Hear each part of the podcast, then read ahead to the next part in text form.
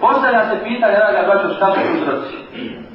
Da bi nam stvar bila slikovitija i bliža, navešćemo samo nekoliko primjera kako se žena žali na čovjeka ili kako se čovjek žali na ženu.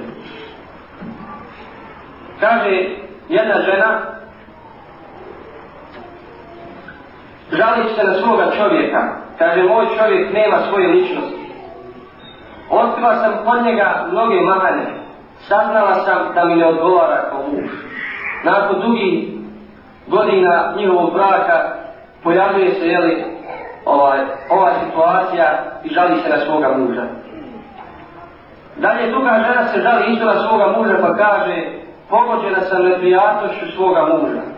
Očekivi, očekivala sam izrade ljubavi, ali sam zato izgubila svaku nadu, naročito kada je postao otac svoje djeci.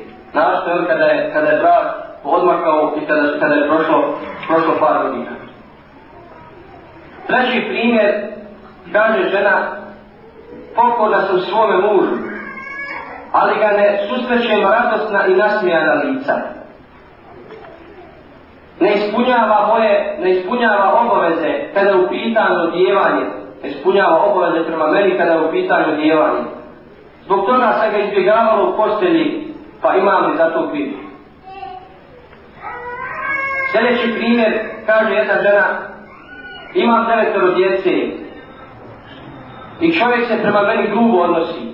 I pored toga što zajedno živimo deseta godina, razmišljala sam da ga ostavim i da ostavim djecu, kakav je propis s nama za to. Dalje kaže druga muslimanka, udata sam, imam petoro djece, a čovjek mi kasno dolazi kući. Gleda U ono što mu je Allah Želešanu zabranio visi na druge žene, voli da putuje sam, a ne voli da se da boravi sa nama i da provodi dane sa nama. Ovo su samo neki primjeri e, bračnih problema i nesuglasica i uzroci e, nesreće jeli, brakova i uzroci razvoda braka. Dalje, ako gledamo sa strane jeli, čovjeka, ako gledamo njegove, njegove probleme, vidjet ćemo ne samo da žene imaju problema sa čovjekom, nego da čovjek i da ljudi imaju problema sa ženama. Nema sumnje da je krutost u odnosu prema ženi ili u odnosu prema čovjeku kada u pitanju žena jedan od najvećih razloga, razloga nesretnog braka. Kaže jedan čovjek, udario sam je, udario sam ženu i zubio slomio ali se nije ni pomakla. Pa da li sam dužan da dam otkup ili ne? Pogledajmo, pita o otkupu, a ne pita o svom opođenju, svom lošem ponašanju prema žene.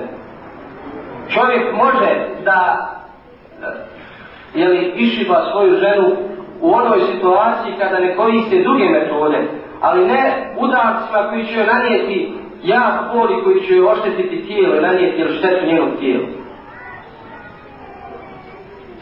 Ali međutim, ako dođe do, jel, do tog stanja, da čovjek mora da udara svoju ženu, onda vjerujte da takav brak nema više smisla. Jer takav brak više nema smisla, jer ako čovjek nije u stanju da do to, te etape, da riješi svoje međusobne probleme na lijep način, međusobnim savjetom, raznim metodama koje ćemo poslije navesti, onda ako dođe do udaranja, tada brak vjerujte, nema smisla osim jedan psalma Đelšanu ne smiluje, jako ne, ne usadi ljubav u njivo srca. Dalje, žali se muž na svoju ženu pa kaže, plata je prema meni kao da živim sa kamenom ili mrtvim predetom. Čovjek osjeća ljubav prema svojoj ženi, ali ona se je zlato i mrtvo odnosi prema njemu.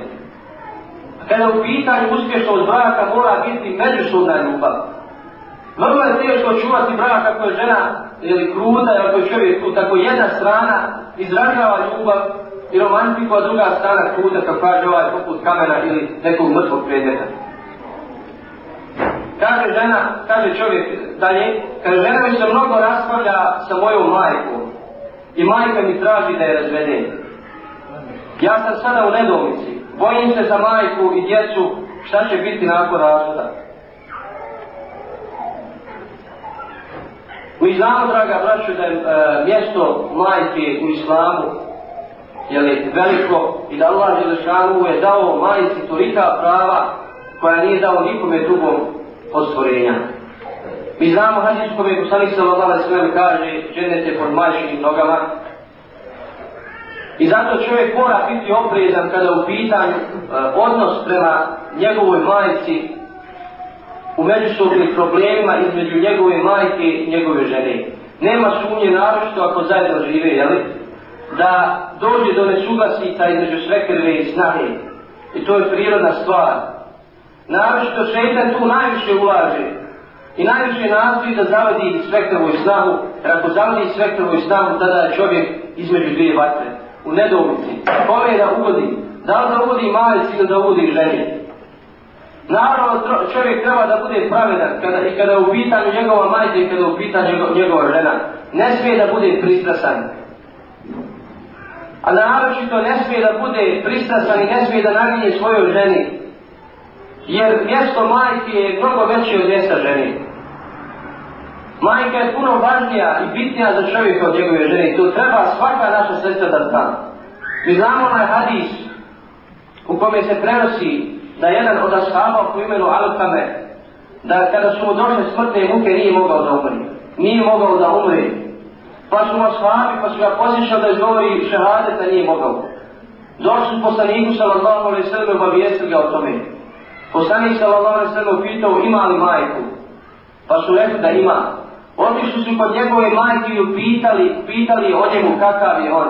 A ona je rekla, klanja, posti i daje sadaku i ušutila je. Pa su je ponovo pitali, ima li još nešto da kažeš o njemu? Ona je u početku odbijala, ali je na kraju, na kraju priznala da nije sin, dok je živio sa njom i sa, i sa nje, svojom ženom, da je davao predom svoju ženu nad majkom. Pa je, pos... pa je poslanik sa Lapave Srem zatražio te majke da halali svome sinu. Jer uzrok njegovog stanja pri samrti je zbog toga što mu majka nije halalila njegov odnos prema njoj. U početku nije htjela da mu halali i nije mogao da umre sve dok mu majka nije halalila. Kaže jedan od ashaba koji je bio posljednji između majke i s njenog sina, kaže kada mu je halalila, kada je iskreno mu halalila, došao sam i nisam još ni ušao u kuću koju je bio, kaže čuo sam Čuo sam kako izgovara La ilaha illallah Muhammed Rasulullah. Sljedeći primjer je čovjek koji kaže za svoju ženu neprijateljski se odnosi prema meni i ne obraća pažnju na meni. Sve su ovo razlozi i uzroci međusobni nesuglasnica i nesretnog braka. Nama su dolazila i ovdje na ovom kampu razna, razna pitanja i razni problemi kako strane naše braće, tako i strane naših sestara. I vjerujte da se nekada čovjek začudi kakvi slučajeva ima. A ono što, što nam nije još poznato sigurno je veće i sigurno je to dobro i nije. Nema sumnje da je ljubav između bračnih drugova ono što najviše veže bračne drugove. Ljubav između bračnih drugova treba da bude osnovom, jeli, osnovom uspješnosti jednog braka čije su okolina i čije su običaje utiču na uspjeh jednog braka. Ako ne postoji ljubavi, ako ne postoji samilost među bračnim drugovima, tada, kao što sam rekao, brak nema smisla.